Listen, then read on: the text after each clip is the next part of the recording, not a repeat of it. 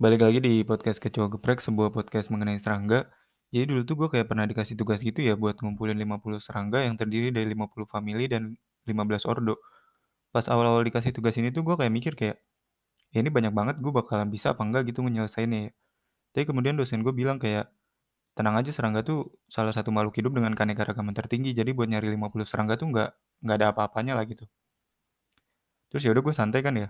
Tapi kemudian pas awal-awal gue nyoba nyari ya, di situ gue langsung kayak berubah pikiran gitu kayak tai lah keanekaragaman tertinggi apanya?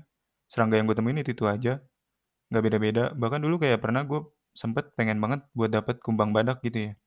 Itu tuh hampir kayak setengah setengah semester awal tuh gue nggak nemu-nemu gitu.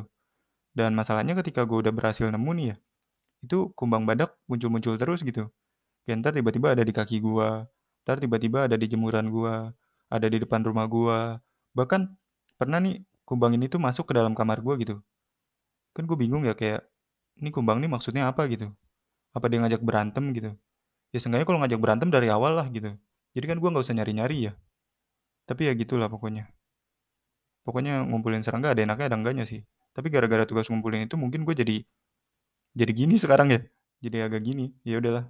Tapi ya ya udah. Mungkin itu aja dulu buat podcast gue kali ini. Terima kasih buat kalian yang udah mendengarkan mungkin next time gue bakal cerita-cerita lagi mengenai tugas menangkap serangga ini yang sebenarnya nggak nggak enak juga sih buat diinget-inget tapi ya udahlah thank you